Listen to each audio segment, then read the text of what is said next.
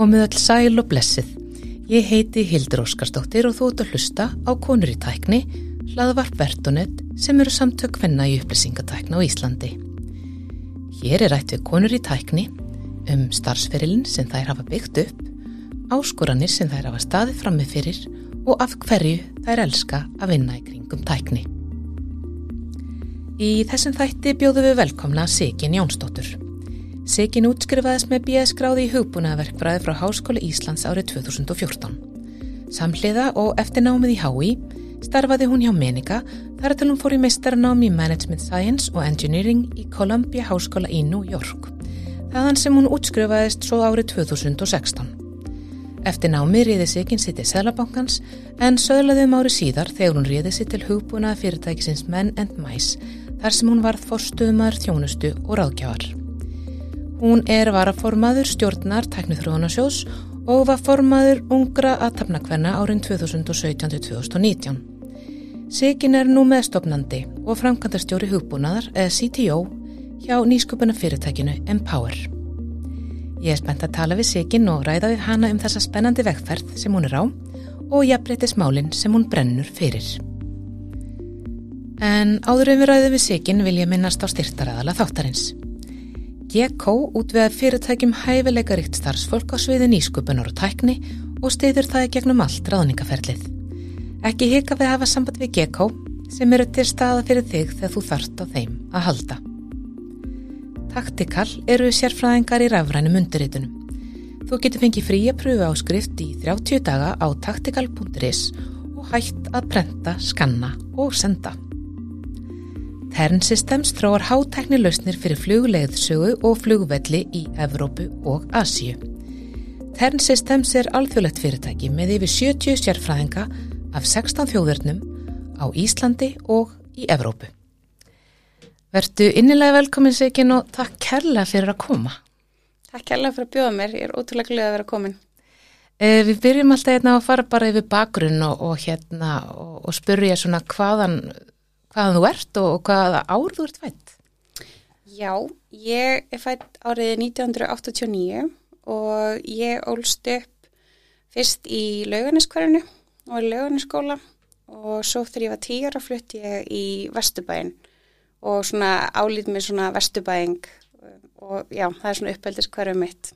Og fórstu þá þessa hérna höfbundnu leið í meðlaskóla, hagaskóla MR eða hvað? Og þetta er svo góð spurning.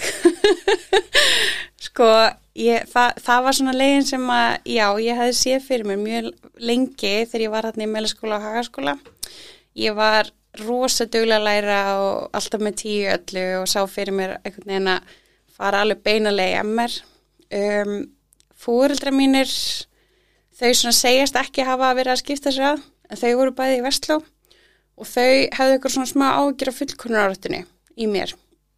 Þannig að þau eru alltaf að segja mig, já, myndu bara að maður fyrir ekki mentaskóla til að læra, heldur til að skemta sér. Frábært ráð. Já, og ég, einhvern veginn, það er svona satt ótrúlega mikið í mér. Þannig að ég endaði með að fara í Vestló. Ok. Um, og já, skemmti mér mjög vel. Það ekki, þú voru skemmtilega mentaskóla ár. Ert, það eru fjögur ár þegar þú ert í mentaskóla, en það ekki. Já, já. ég var svo heppin. Já, einmitt, segjum að það ekki. Mér finnst þetta svolítið synd að krakkar þetta að fá einhvern veginn, auðvist, þessi þrjú ár fyrst mann er svo stöttu tími.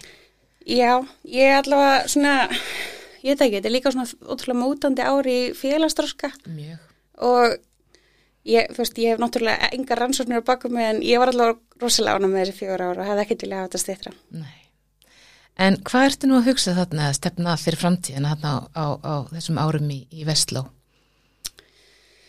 Sko, já, eins og ég segi, ég var hérna að glíma við smá fullkonar orðu þegar ég var í tíundabæk og með tíu öllu og okkur svona og svo tók ég kannski að, svona aðeins of harkilega orðinu fóröldra mína og hérna e, hætti svolítið að læra í Vestló og fór hérna í nefndamótið, e, var þar að dansa og leika og syngja og okkur svona og tók mikið þátt í félagslífunu. Þannig að ég eiginlega hætti alveg að hugsa um framtíðina þegar ég var í menturskóla og bara svona slaka hans á og, og hérna, já, læri bara svona e, koma fram og vera að minna feimin og svo leiðis mér finnst það ótrúlega dýrmætt, egnaðist vinkonur sem ég á ann í dag og svo leiðis Þannig ég var mjög lítið að pæli framtíðinni. Um, þangað til að koma náttúrulega að því að maður var að fara að útskriðast og þá beit ég það í mig að mér langaði til að vera læknir. Fór í indökuprófi í læknisfræði og komst inn og tók sko eitt og hálft ár í læknisfræði, beinst eftir Vestló. Já. Já. Hvað hafður ykkur fyrirmyndir á þessum tíma sem fóru þá leiðið eða? Sko, mamma mín er gjörgjastlu hjókunarfræðingur og alveg eina mínum helstu fyrirmyndum. En svo var líka bara besta vinkuðum mínu Vestló, hún var að fara í læknin og þetta var svona, bara svona, svona stemning og hérna, og ég neginn, hafði alltaf mikið áhuga á raungureinum og líffræði og alls konar þannig að ég sagði bara já, bara endilega skella mér þetta og námið var æðislegt sko. Ég segi það ekki en hérna, svo komst ég að ég með langaði kannski ekki að verða læknir, þannig að ég ákvaði að hætta þar sko. Já. Og, og, og ákveður þá bara að fara aðra leið? Já, ég bara ákvað sko þetta var eiginlega, sko þetta var alveg smá dramatist. Ég sko hérna lendi þegar ég var hérna búið með eitt ára eitthvað í landsvæðinni að hérna ég sérst veiktist og fekk brísbólgu og þetta er bara mjög sjálfgæft og sásökuföld að fá brísbólgu sérstaklega að maður er svona ungur. Og ég sit aðna búin að lifa það af og eitthvað svona og sit á sjúkarhásinu og eitthvað læknar segja við mig bara já hérna þetta var nú bara mjög tæft bara eins gott þú komst hérna og veist, þetta hefði gett að fara verður og eitthvað svona og ég fæ bara svona yfir mig bara þú veist eins og í bíomund Já. bara svona hérna hvað heitir þetta, svona epiphany. Já, hverju, hverju, bara heyrðu, vitrun? já, eitthvað ég bara, þú veist, ok, hérna bara eins og bara, hérna, þroskast óslega rætt og bara, ok, ég verð að nýta lífi ótrúlega vel og eitthvað svona, og ég svona ákvað þá með sjálfur mér bara, já, hérna ég ætla að hætta í lænsvæðinni, ég bara, hérna ég er ekkert með áhuga á að vinna sem læknir þó að námi sem mjög áhugavert og, og hérna, samnumindi mínu æðislegir og allt það, sko Vá, ég hvernig, tók það ákvörðin án þess að vita hvað ég ætla að gera í staðinn já. þannig að það var mikið svona, hérna Það krafist mikils hugur, er ég nú bara að hugsa, sko. Já, sko, það er svona, já, það er svona svolítið kannski, uh, ég veit ekki, ekki beint snoppa en það þykir mjög flott að fara í læknin og eitthvað svona almennt og ég, þegar ég var að segja fólki, já, ég er bara hægt og eitthvað svona, þá spyrir fólk að af hverju, hvað ætlar að gera í staðinn? Já, Og ég þurfti alltaf að koma með bara, eh, ég veit það ekki, bara ekki þetta. nei, En hérna, það er svona smá vombriðatímabil sem fólk þurfti að díla við. já. En vá, að, að vita samt einhvern veginn að þetta er ekki leiðin sem hún ætlar að fara, það, það krefst samt mikils hugur ekki og bara að, hérna, að framkama það. Já, ég er mjög ánum með þetta og hérna, um, já, og þá einhvern veginn tók við smá smá tímabil þar sem ég var bara aðeins að finna út úr hvað ég vildi gera, eitthvað sem ég hefði kannski hægt að hugsa eitthvað fyrir en svo var hann alltaf ennþá bara ungur hann og hérna, lág ekkert á, sko. Nei, ég, þetta er mjög áhugavert. En svo velur hugbúnaverkfræðina. Já, ég hérna valdi, sérst, ég valdi mér þess að yðnaverkfæðana fyrst, um, fór ég, ég alltaf bara verið hérna, ótrúlega mikið áhuga á starffræði, góði því og hafði svona mikið áhuga á kannski fyrirtækja rekstri og eitthvað svona pælingu með það. Um, fyrir yðnaverkfæðan í HÍ og fannst alveg rosa mikið vel að verkfræði kursum. Ég veit ekki hvort þetta ringi einhvernum bjöllum og fleirum, þetta er smá svona á þessum tíma var yðnaverkvæðin ekkit rosalega þróið sem námsgrein. Þannig að þetta var eiginlega bara alveg svo vélaverkfræði með einhverjum einum hagverkfræði kurs og mér er svona frekar leiðilt í eðlisfræði og þetta var bara rosa mikið eitthvað varmafræði, varmaflutningsfræði og eitthvað. Og ég var bara, heyrði, oh, þið trúis ekki þar ég skiptum náma aftur og bara þú veist búin að vera endalust að reyna að klára gráði eh, en þá sagt eh, reiki ég í hugbúnaverkfræðina um, og þar er ég að fara í sko miklu meiri starffræði, öll starffræði minnstri inn í tölunafræði og allt þetta, mér finnst það ótrúlega gaman, uh, líkind á tölfræði, alltaf rosalega, haft rosalega mikið áhuga á því og fann mér bara þvílegt í hugbúnaverkfræðinni, uh, bæði út af bara þessum verkefnastjórnur elementum og svona rekstrapælingum og svo bara kom tölunafræðin svona þarna bara ótrúlega skemmtilega inn í líf mitt. Uh. Og þannig að námið, námið þarna í há, þú veist, ánamið námið í HÍ og, og, og allan, allt, það, allt í kringu það. Já, ég var rosa ána með það og ég gæti svona valið mikið, það var mjög opið um, og ég bara, mér fannst maður svona fálega rými til að finna hvað maður vildi gera Mm -hmm. einhvern veginn í því og ég var mjög, já, ég var mjög ána með það. Og eru ykkur að fyrirmyndir þarna í þessum geira á þessum tíma sem þú mannst eftir? Já, herðu, góð spurning. Sko, nei, sko, við vorum ekki margar stelpur þarna um, í hugbúnaverkvæðin. Ég held við hefum verið fjórar sem útskrifiðumst þegar ég var.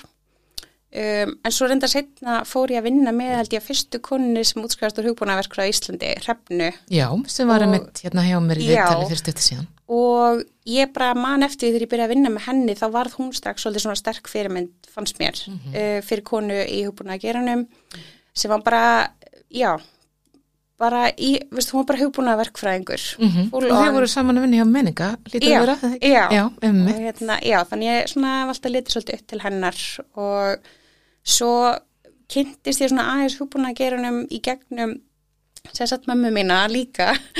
Hún er sem sagt görgusli hugbúnafræðingur en hún var að starfa á tímabili hérna hjá hugbúnafyrirtæki sem var að smíða heilarita og greina sem sagt heilaritt og þar var hún product manager sem görgusli hugbúnafræðingur því hún þekkti náttúrulega svo ótrúlega vel notandan að heilaritanum og hún fer hann í hugbúna að gera hann og mér fannst það átrúlega inspirerandi og ég svona tók eftir uh, hvað var mikil sköpun og þessi nýsköpun og hún einhvern veginn kveikti svolítið, já, í mér. Ég hugsaði svona, já, ég var alveg til að taka þátt í að búi til eitthvað nýtt. En áhugavert. Og, og þú ert að vinna þarna þessum árum, þú ferð að vinna hjá menninga eða ekki með náminu? Jú, ég var sérst búið með tvö ár í hugbúnaverkfræðinni og þá fór ég og ég sko, ég held ég að fara á utíma svona, bara með ferilskrár í bakpokanum og bara, ég var bara með markmið, ég bara, ég ætla að fá mér sumavinnu og hérna, að ég var búin að vera vinna sem blaðamæður og eitthvað svona á sumrin og bara svo æðislu skóli og allt það, en nú, ég svo svona, ok, ég væri til að fara að vinna eitthvað tengt náminu. Og hérna, uh, senda á fullta fyrirtækjum og fór með félskanum mín út um allt. Fekk ekki mörg svör við kynni það.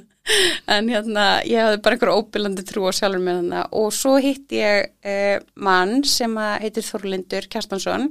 Og hann hafði líka einhverja trú á mér því hann riði mér sérst inn til meninga sem sumastarsmann því ég var ekki útskrifuð. Þá var hann CEO hjá meninga og ég sérst kem inn.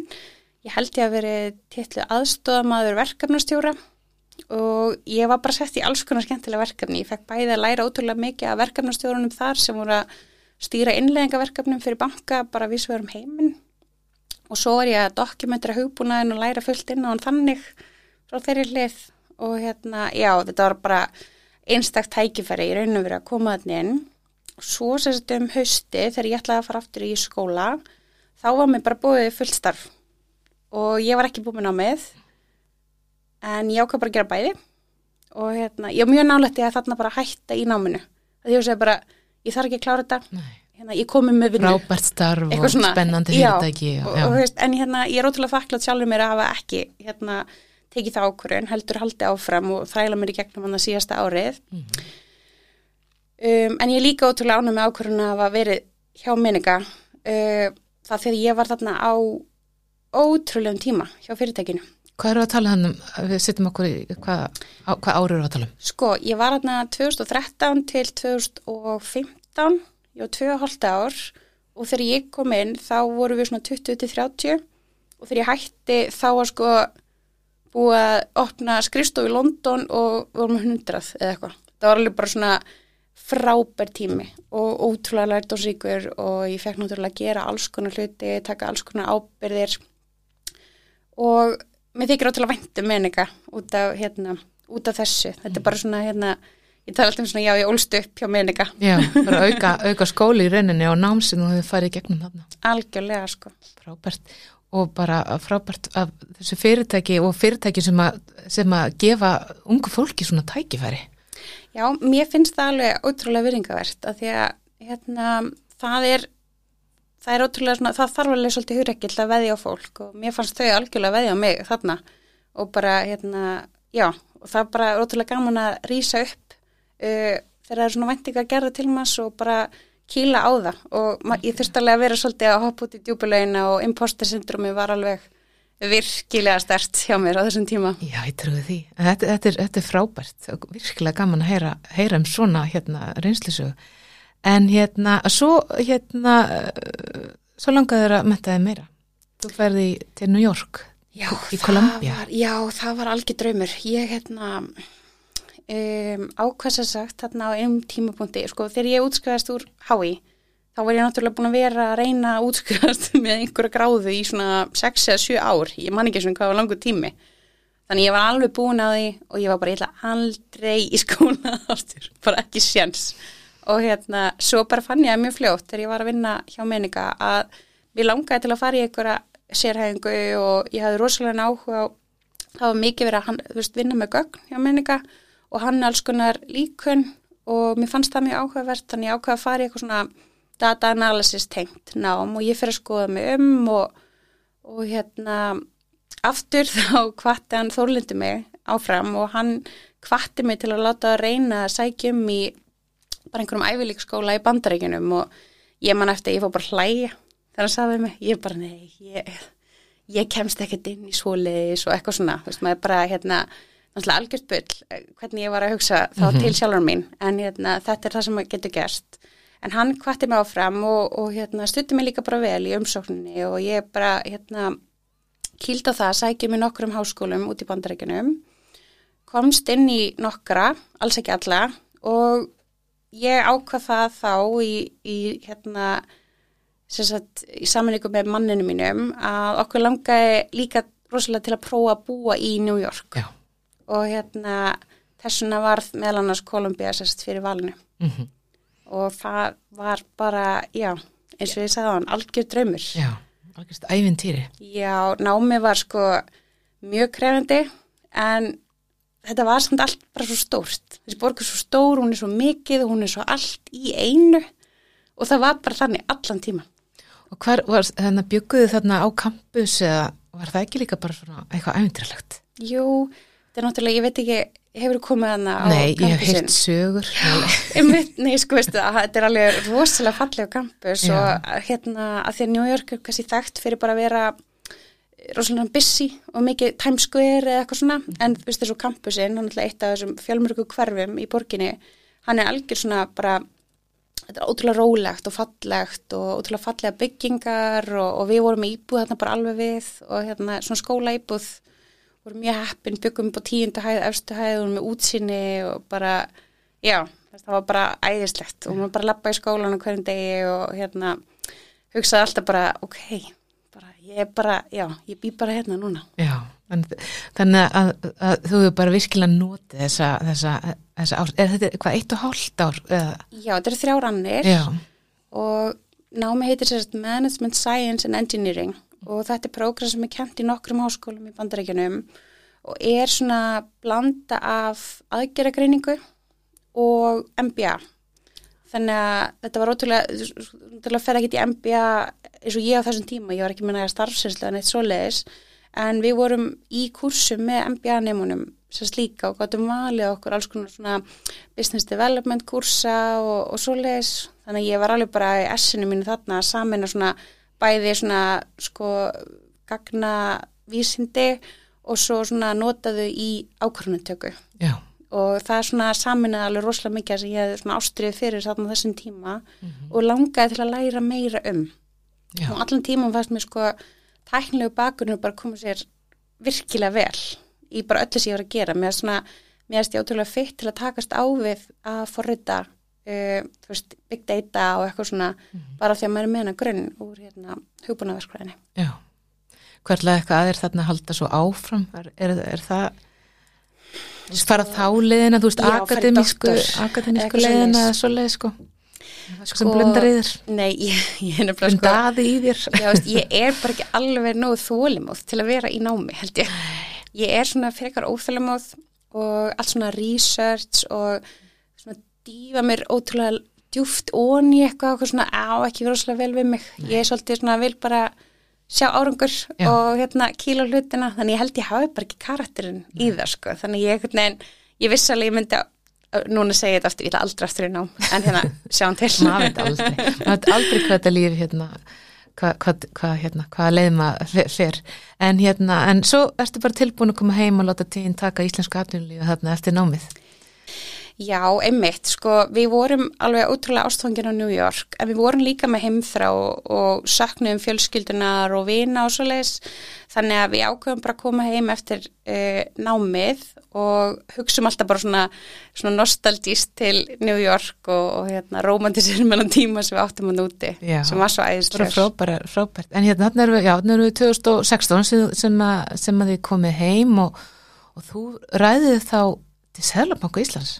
Herri já, uh, ég fór hann að vinna í Sælabankunum ég stoppaði ekki lengi þar. Nei, en hvað stöðu hérna gengdur þar? Ég var sérfræðingur á sviði fjármála innviða og það sem ég var að gera var að gera greiningar og verkefnastýra innleggingu á nýju greiðslukerfi fyrir bara Ísland. Já, og verkefnið var bara mjög skemmtilegt og fólki sem ég var að vinna með bara mjög skemmtilegt líka en aftur kom kannski svolítið að- að ég kannski bara aðeins og óþálmóð til að hérna, starfa í bara svona, þetta er náttúrulega ákveð svona, hvað ég segja, svona regulated umhverfi. Mjög.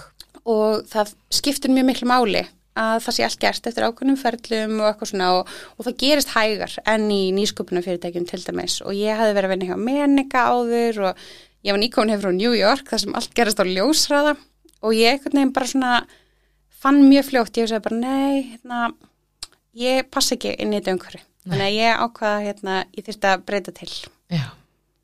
Og hvað tekur þá við? Þá fór ég til Men and Mice uh, sem er hugbúnað fyrirtæki sem framleiðir sem sagt uh, DDI hugbúnað, DNS, DHCP og IP Address Management All right. og það var ógeðslega að fyndi, ég fór í aðtunum fyrir það og var að tala hérna við um, meðal annars Magnús Björnsson, yfirmanni minn sem reyði mig svo inn. Og þeir eru að spyrja mig í aðtunum vittalinu hvað veist þú um DNS? og ég hérna, með hugbúna verkfrækráðuna og, og hérna ótrúlega sniðu og allt það.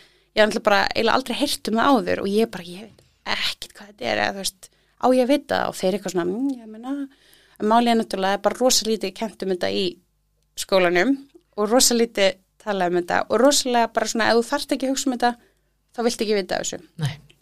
en Menni Mæs er þess að 30 ára gamalt uh, fyrirtæki Íslands sem er að selja sinn hugbúnað til sko rúmlega 300 viðskiptverðin um allan heim og eru bara ótrúlega stabilisir á sínum svona litla eða svona nýsmarkaði. Já. Þannig að ég fyrir í það og ég kem inn held ég í hvort það verið sölu teimið að byggja upp eitthvað partner á net og svo eftir ár þá er ég farin að leiða sér svið sérfræði þjónustu og viðskiptatengsla og það var æðisleg lífsæsla. Já.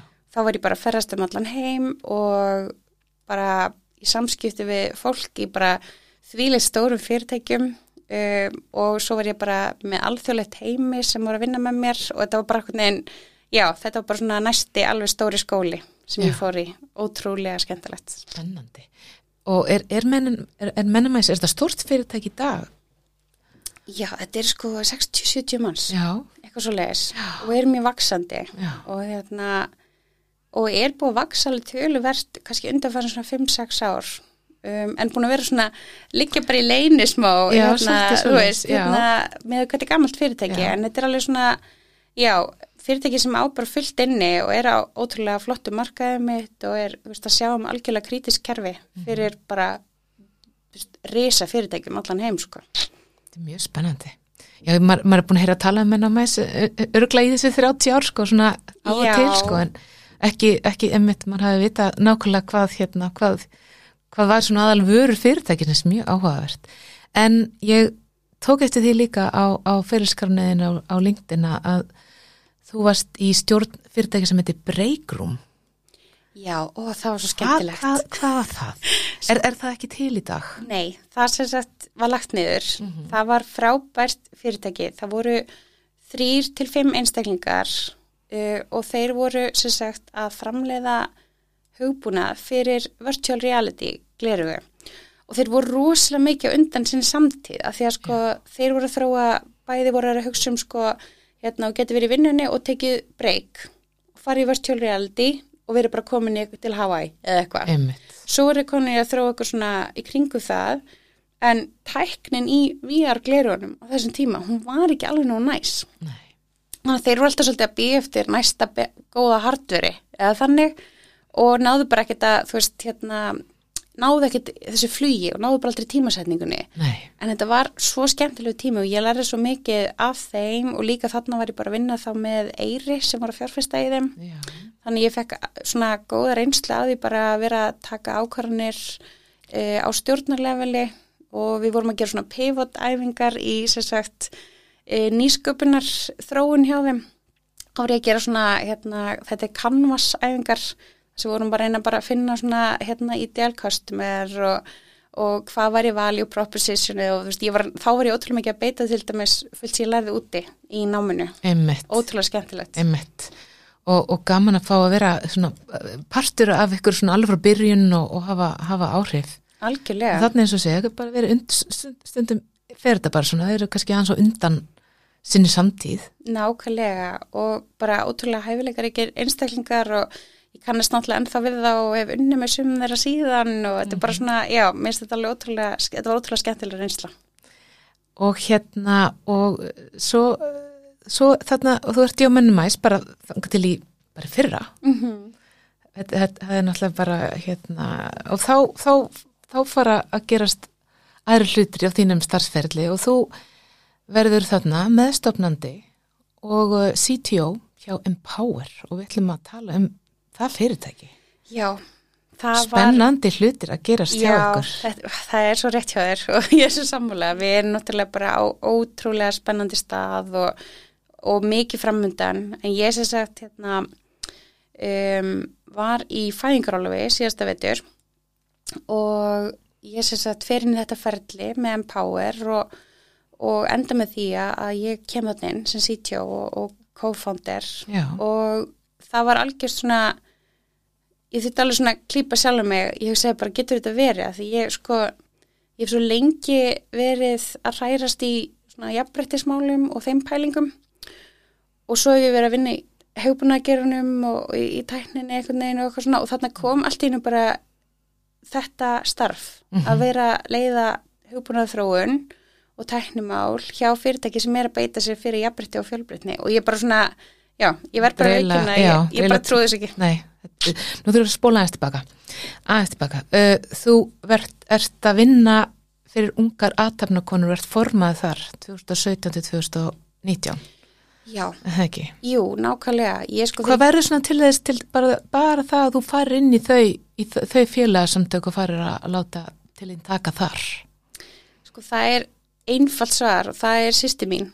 Hún sér sagt hérna, þegar ég flutti heim frá New York þá var ég svona einmitt, bara svolítið aftur og kannski að komast inn í tengslanett og alls konar svo leiðis og hérna og hún er alltaf verið miklu meira pæli í jafnbrettismálum en ég og, og hérna og bara ótrúlega klár, snæfsjöður, sýsti mín. Og hún sér að dregu mig með sér á fund í nautóli og þar eru uh, Vigdís Fimbódóttir, Kristín Friðgeirs og Katrin Jakobsdóttir með erindi. Og það er bara tróðfullu salur af konum á bara öllum aldri og það var eitthvað svona brjálæðslega kraftur í þessu herbyggi eða þessum sal. Og ég seti þarna sko og ég bara svona, ég bara gjörsanlega þetta bara, ég dýrkaði þetta. Þá var svo mikið orka þarna og svo mikið svona uh, samkend og baratuhugur og jákvæðni líka bara svona í garð uh, alls konar kvenna. Og það var ótrúlega gaman, veist, það var ekki allar konunar eins sem voru þarna en það voru allar að bara svona tala saman á mannamáli og ég fann mig alveg ótrúlega þarna og, og var mjög dögulega að mæta sagt, allan þann vetur uh, á viðbyrði og svo ákvað ég að bjóða mig fram í stjórn bara árið síðar. Ég mér varst þetta svo aðeinslegt og hérna og kemst þar inn og verð formaður í tvö ár. Og það er þess að stjórnasettan er tvö ár og hérna þetta var bara eitt af skemmtilegast sem ég hef nokkur sinni gert. Við heldum ráðstefnur og sem eru ennþá haldnar með þess að og vorum bara að halda ótrúlega fjölbreytta viðburði, bæði námskeið, bæði svona fræðsla, umræður og svo bara mikið að fá inn uh, sterkar kvennfyrmyndir Já, sem tala innlægt við hópin og deila sinni reynslu og það er er bara ótrúlega dýrmætt Mhm. og hérna og mér þykir mjög vænt um félagið og er mjög öflugt félag flott, flott daskra sem þið standa fyrir algjörlega. og þið þarna á þessum tífambili sem þú ert hérna þarna formar þá er MeToo reyfingin þá, þá kemur það allt saman upp Nákvæmlega. Það var alveg bara svona, já, það var eiginlega alveg ótrúlega hérna, mögnu reynsla að vera hluti af einhverju svona félagskap og að vera að leiða svona félagskap þegar MeToo-byltingin var og, og hérna, náttúrulega bara allar, allar tengdu ótrúlega mikið við það sem var að fjallum og við einhvern veginn bara svona uh, tókum bara virkan þátt í því og áttum alveg ótrúlega góðar umræður og við vorum meira sem með eitthvað svona hérna, tengt. Hvort það var bara árið síðar þá vorum við með eitthvað svona millumerki vinnufriður. Já, og vorum um að að hveta konur til að segja frá sagt uh, í raun og veru áreitni eða ábyldi sem verið orðið fyrir í vinnunni. Já, og við vorum að krefast þess að fá bara vinnufrið. Og, hérna, og það var alveg ótrúlega hérna, magnað að vera hluta af því og þú sér náttúrulega bara hvernig og við veitum alveg bara the rest is history. Hérna, me too kom bara og gjössalega breytti öllu þessu umhverfi. Varðandi vinnumenningu og ég raun og veru veitti fólki miklu meiri rödd til að tala um hvernig þetta hefur verið og það sem er að gerast. Algjörlega, það um, var- ég fann, það, er, það er grein til uh, á netinu um, um, um þetta og það sem þið voruð að, að, að hérna, voruð að, að vekja aðtigla á þessum tíma og, þetta finna hashtaggi ennþá, vinnufriður. Og, og þú líka meira sér hringdir kaupallabjöllinu já, alþjóði hvenna sem formaður UAK hérna 2019, sá ég. Já, það hefur verið skemmtileg upplifunur örugglega. Já, það var svo skemmtilegt og hérna, það var líka bara ótrúlega gaman að fá að standa þarna fyrir framann, alveg bara ótrúlega hérna, flottan sala fólki og tala um það sem okkur fær skipta máli og ég var hérna fyrir höndsinsett ÖK og, og hérna, já, það var ótrúlega gaman. Ég var endar hérna, mjög ólétt akkurat þá og ég gæti ekki sagt neina þannig ég fekk eitthvað svolítið svima og eitthvað svona en hérna, en samt skemmtileg minning og, kannski bara ennþá að- skemmtilegri. já, gaman að geta sagt og gert þetta Já, það var bara æðislegt sko. En hérna, en nú skulum við fara aðeins aftur til Empower og hvaða, hvernig, hvernig, hvernig svona þín aðkoma er við stopnið fyrirtækisins og Þóri Viljámsdóttir er, er, er þið tvær, Nei, við erum þrjár. Það er sem sagt Þórei Viljánsdóttir Proppi og Doug Thompson uh, stopnuði Empower sem ráðgjafa fyrirtæki upphálega einmitt, og það er sem sagt hafa alveg bara áralanga reynslu bæði í fyrirtækjarekstri, jafnbreytismálum, ráðgjöf, bara markastarfi, you name it. Þetta er bara, er náttúrulega einstakt að fá að vinna með uh, svona reynslu miklum konum. Og það er sem sagt stopnað Empower sem ráðgjafa fyrirtæki og þegar ákvörðinu tekin um að pivota svolítið og skala erlendis þá sem sagt uh, ákvörðar að breyta eða svona hvað ég segja yfirfæra þessa ráðgjöf á uh, SAS hugbúnaðarlösnar form. já, skýja lausnir. Nákvæmlega og þetta er svona software as a service sem þýðir að þá er ráðgjöfin í raun og veru veitt bara algjörlega gegnum hugbúnað, reyna að taka ráðgjöfin svolítið út úr þessu. Og þær vilja ráða inn tæknumannsku til að uh, leiða hugbúnaðar þróunina uh, af því þær hafa ekki verið að starfa í slíku og fá mig með sér og síðan þá erum við sko búin að Já, við erum búin að gera svo margt, þetta er alveg æðislegt, þetta er náttúrulega algjörst æfintýri að koma inn í svona nýsköpun. Já. En við sem sagt uh, réðum minn teimi uh, síðasta haust. Þau byrjuðu uh, mörg fyrir september en svo er búið að aukast mjög hratt í teiminu núna bara, ég held við séum sko, við erum orðin 14 í dag.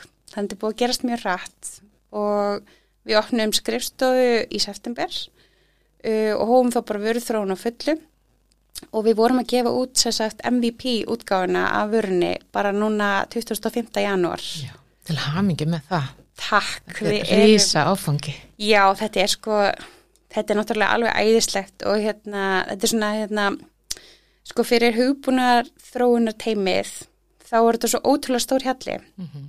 að koma út frumgerða vöru, Já. af því það er svo margt sem þarf að ganga upp til þess að það gerist og það er svo margir þræðir sem þarf að hugsa um Mhm. en svo um leið að búið að gefa út einu sinni þá er þetta einhvern veginn öðru vísi Já. og við vorum alltaf með smá svona deadline hugsun þannig við gátum ekki, við vorum eiginlega bara vinna waterfall Já, við vorum bara með þetta sem að gera fyrir þannan tíma. Mhm. og það er náttúrulega ekkert aðsel við það, okkur langar að vinna þannig og við erum að byrja að vinna þannig núna sko. En það sem við erum svona einna stoltust af er að sagt, ná þessum árangri að hérna gefa út MVP á deadline Mhm. sem Mér við er svo lofum fallegt í að tala um minimum lovable product, MLP. Ok, það er æðislegt. Ángríms Googla það. ég Það er ætla rosa að hafa það næst. Já, það er svona, svona hvað maður segja, frum útgáfa sem samt sem þú samt nærð sem, svona, sem að notendur ná samt fá samt svona ástfóstu við. Það er æðislegt, einhver svona hughrif sem ML koma samt og, og þú glemir aldrei Já. Mhm. að nota þessa útgáfa kannski. MLP ok, ég, ég er að fara að mæta með að þetta á að morgun og þau að eru að að fara að elska þetta. Mhm. en við sem sagt erum svo stolt að hafa náð þessum áfanga og við lofum þessari dagsendingu eða settum ykkur þetta markmi í september og svo bara náðum við því. En við vorum líka að sko gera það sem við trúum svo mikið á og við vorum að gera þetta með heilbriðri vinnustæðamenningu og heilbriðum vinnutíma Já. og heilbriðu vinnu álægi og við bara það var engar helgar unnar. Nei, og við erum ekki að vinna á kvöldin. Eða nóttinni aldrei á nóttunni. Og sko daginn áður en við gáum út MVP veruna eða MLP sem ég er að fara að kalla þetta núna þá við bara öll farin heim klán fjögur. Það er svolítið magna og það er bara æðislegt og, og veist, við gáum öllum frí bara fórum öll í frí milli jól og nýjárs tókum bara smá hlaða batterín með fjölskyldunum okkar og svo mættum við bara til leiks í januar og klárið um dæmið án þess að vera eitthvað svona búin á því einhvern veginn og vinna yfir okkur og vera í öllu þessu svona óheilbreiða sem að e, hefur svolítið verið í tækningeranum Bara mjög, svona eitthvað norm að Mhm. þú þurfur alltaf að fara í eitthvað panik og hérna öll vinna yfir sig mm -hmm. til þess að ná markmiðum.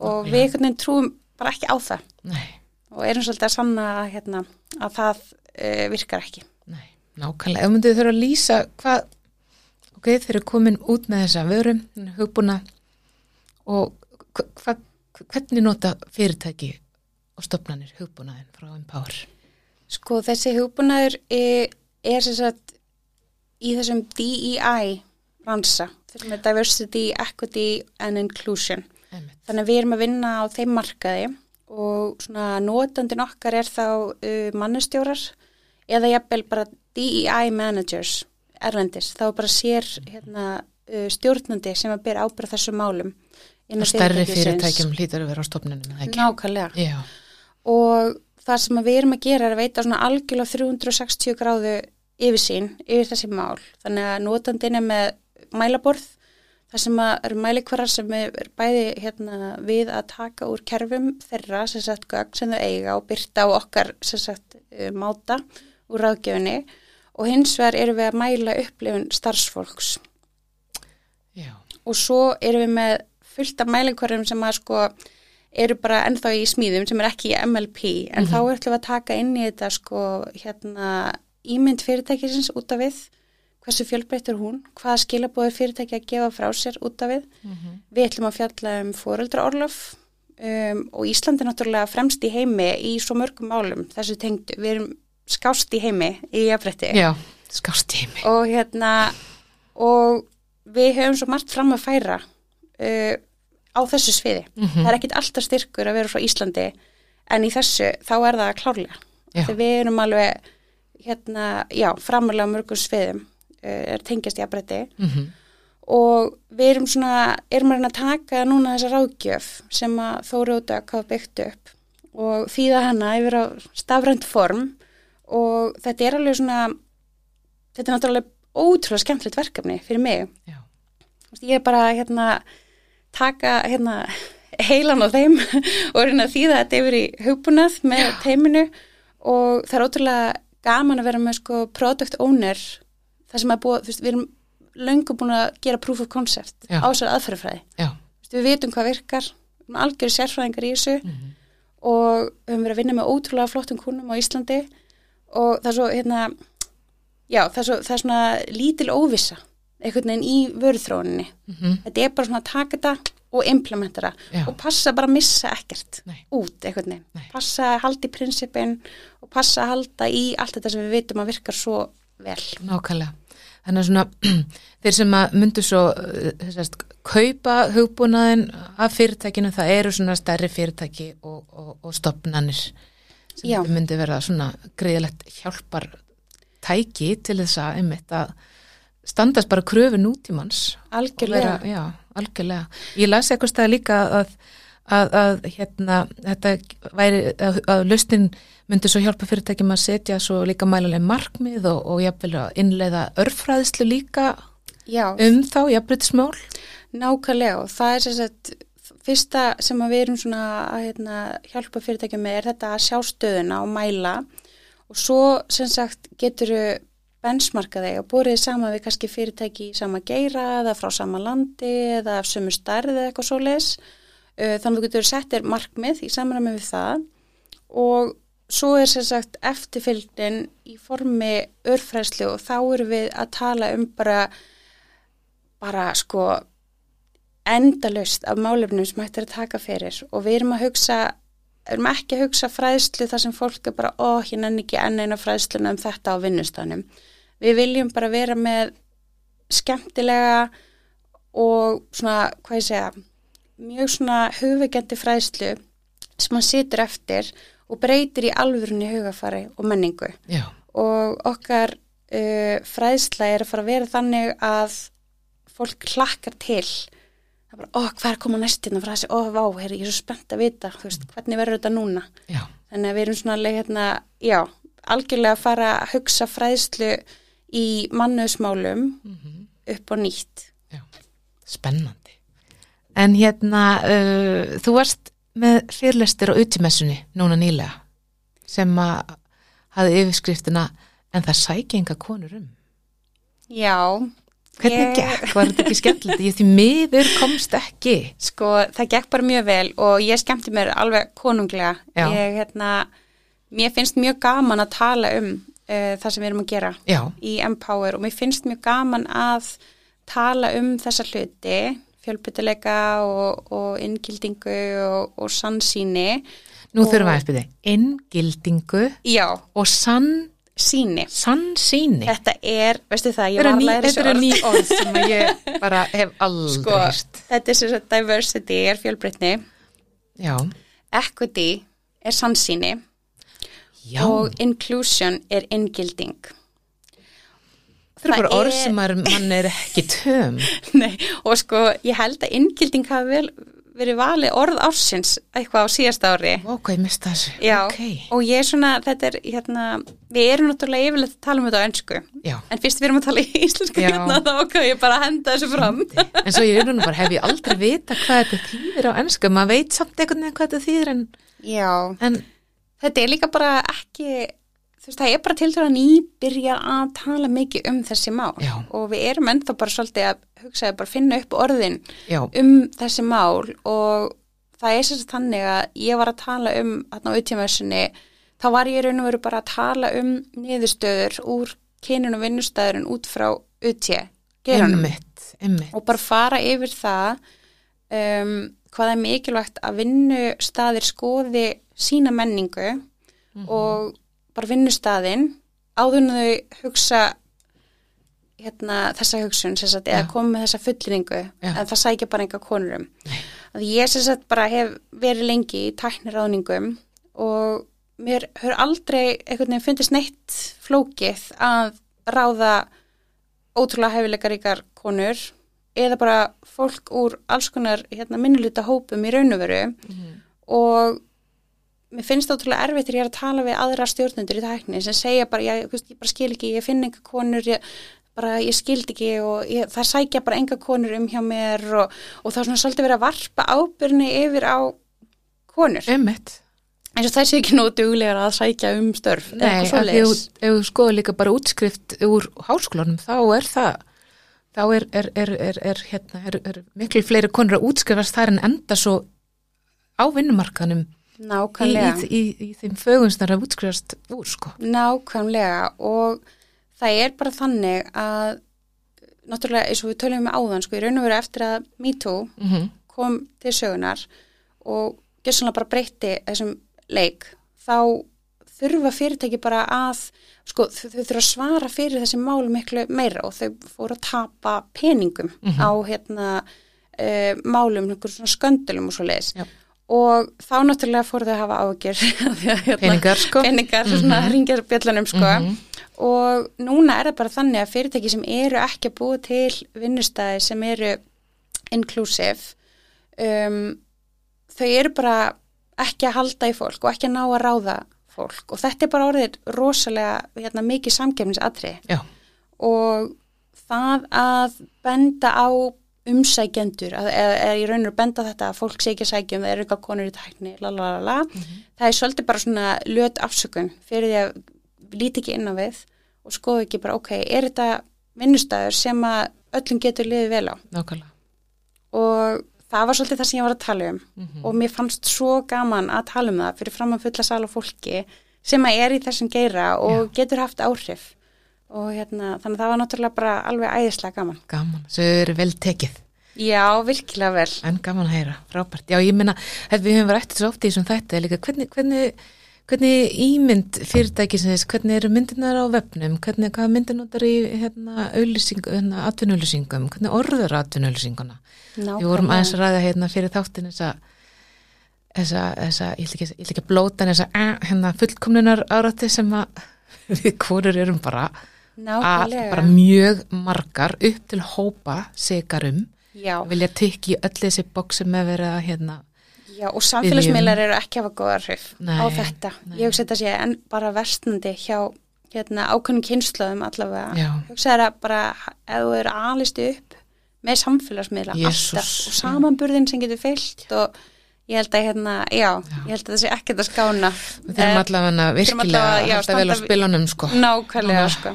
Já, ég minn almatur.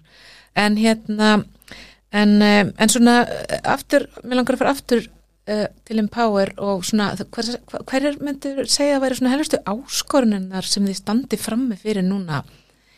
Nú eru kom, kom, komin þetta langt Mm og, og hérna, nú eru að halda áfram. Hva, hvað sjáu þið svona sem, hvernig sjáu þið svona kannski bara nánustu framtíð? Eða hver er Einmitt. markmiðin með? Frábær spurning. Af því að einmitt við hérna náðum markmiði og svo bara stjórnumfundin daginn eftir, kynna Já. MVP og allir áslega glæðir og svo bara, ok, hvað ætla að gera næst? Já. Nei, nú, við erum náttúrulega bara að vinna eftir alveg ótrúlega flottu, uh, flottri áætlun og höfum verið í raun og verið að tekja öll bóksin og ná öllum okkar markmiðum, hinga til. Uh, og næsta dagskráð er náttúrulega bara markasók, ná í kuna. Þið fengu, góða, þið fengu fjárfesta Já, af- já. það er sko síðasta vor, þá sagt fá, fá þær þóri og dög fyrir Empower ótrúlega flotta fjárfestingu, 300 miljónir króna frá frumtaki og tennin, Já. engla fjárfestum. Og þetta er alveg ótrúlegur árangur og mjög flottur fyrir líka bara, það eru mjög fá kvennaleitt fyrirtæki sem að fá fjármögnun, hvað þá á svona frumstíi og þetta náttúrulega gefur okkur uh, ótrúlega gott rönnvei til að byggja upp þetta fyrirtæki sem við erum búin að byggja upp núna og, og þetta teimi og, og koma þessu MVP á leggin.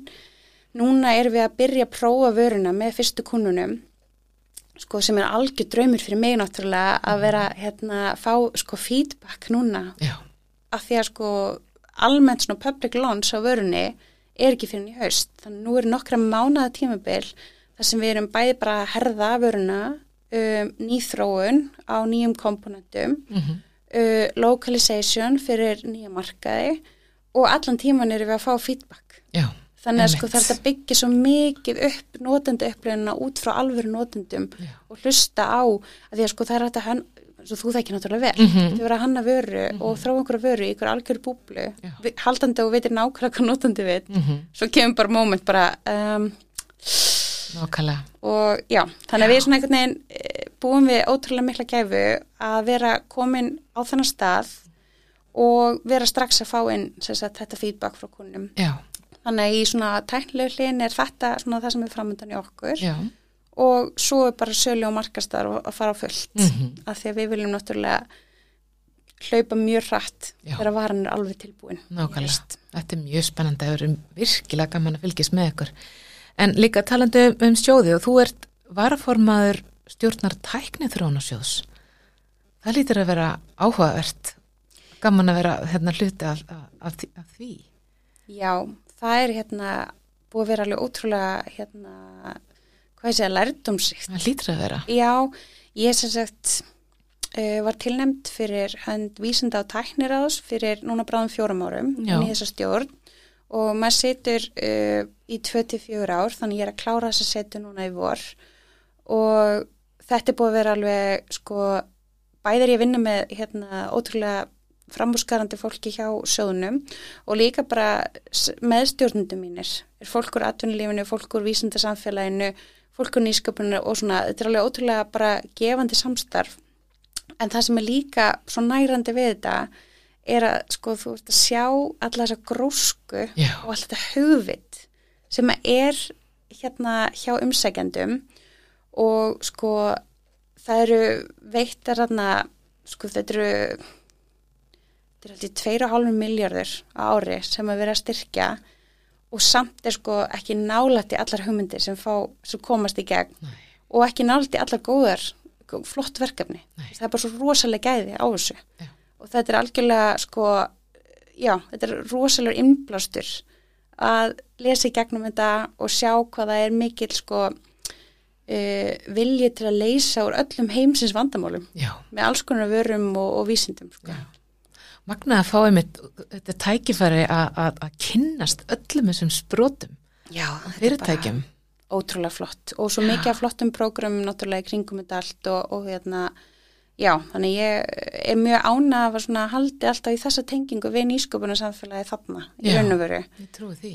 Þannig að ég, hérna, já, ég veist bara, það búið algjör forrættindi að taka þátt í þessu. Já, ég trúi því. Mjög áhugavert.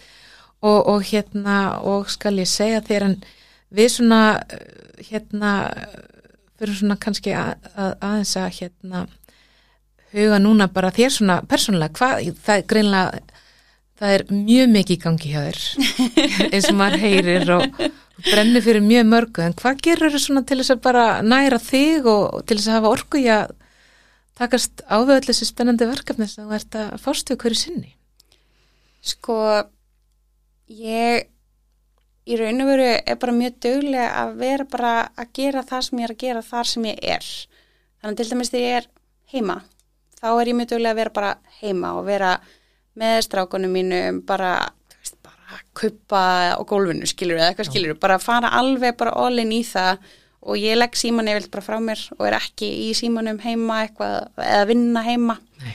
Og svo finnst mér ótrúlega gott að fara í kvöldsund í Vesturbæðleginni. Það er alveg bara einstakku upplifin, eiginlega bara sérstaklega þegar það er kallt og myrkur.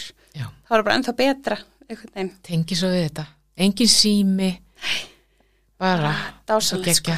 Og hérna, svo er ég sem sagt uh, það heppin að ég get sem sagt gengið til og frá vinnu. Um, og það er orðið að svona einhverju, einhverju rosalegri gæða stund. Er mikið lífsgæði að geta það. lappa til og frá vinnu. ég bara, hérna, mér finnst þetta bara æðislegt og ég bara, hérna, ég fattaði ekki að þetta var eitt af þess að ég saknaði svo mikið frá New York að, sko, vera eiginlega aldrei í bíl, einhvern veginn bara labba eða lestin það sem svona, ég notaði mest og núna þá er ég bara að reyna að vera sem minnst á bíl og labba bara eða fara í strætó og það er eitthvað svo mikið svona næði og ég er annarkvæmst að lusta á tónlist bara eða podcast og svo nýt ég reyndar ótrúlega ofta en tíma til að ringi ykkur vinkonum mína Já. og bara svona aðeins að spjalla eða svona aðeins að catch up, þú veist, fyrir eftir vinnu þetta er alveg fullkomin tími. Fullkomið. og hérna, en svo er svona það sem kannski eh, mér finnst svona mest endurnærandi í þessu öllu er einmitt að taka frá tíma til að hitta uh, góða vinkonur. Já, það er bara, jafnast ekkert á það það er bara að hittast og fá sér kaffi eða rauðvín eða eitthvað og bara aðeins að, þú veist hérna, hvað ég segja, pústa. Já, og bara, já, tala um eitthvað kannski annað en vinnuna, getur verið mjög gott. Já, og ég á líka alveg vinkunur þar sem við ákveðum sérstaklega hvað má ekki tala um. Og það er þá, þú veist, börn og eitthvað sem sem við erum alltaf að tala um sko, bara til að vera stundum bara að tala um eitthvað annað og, og hérna.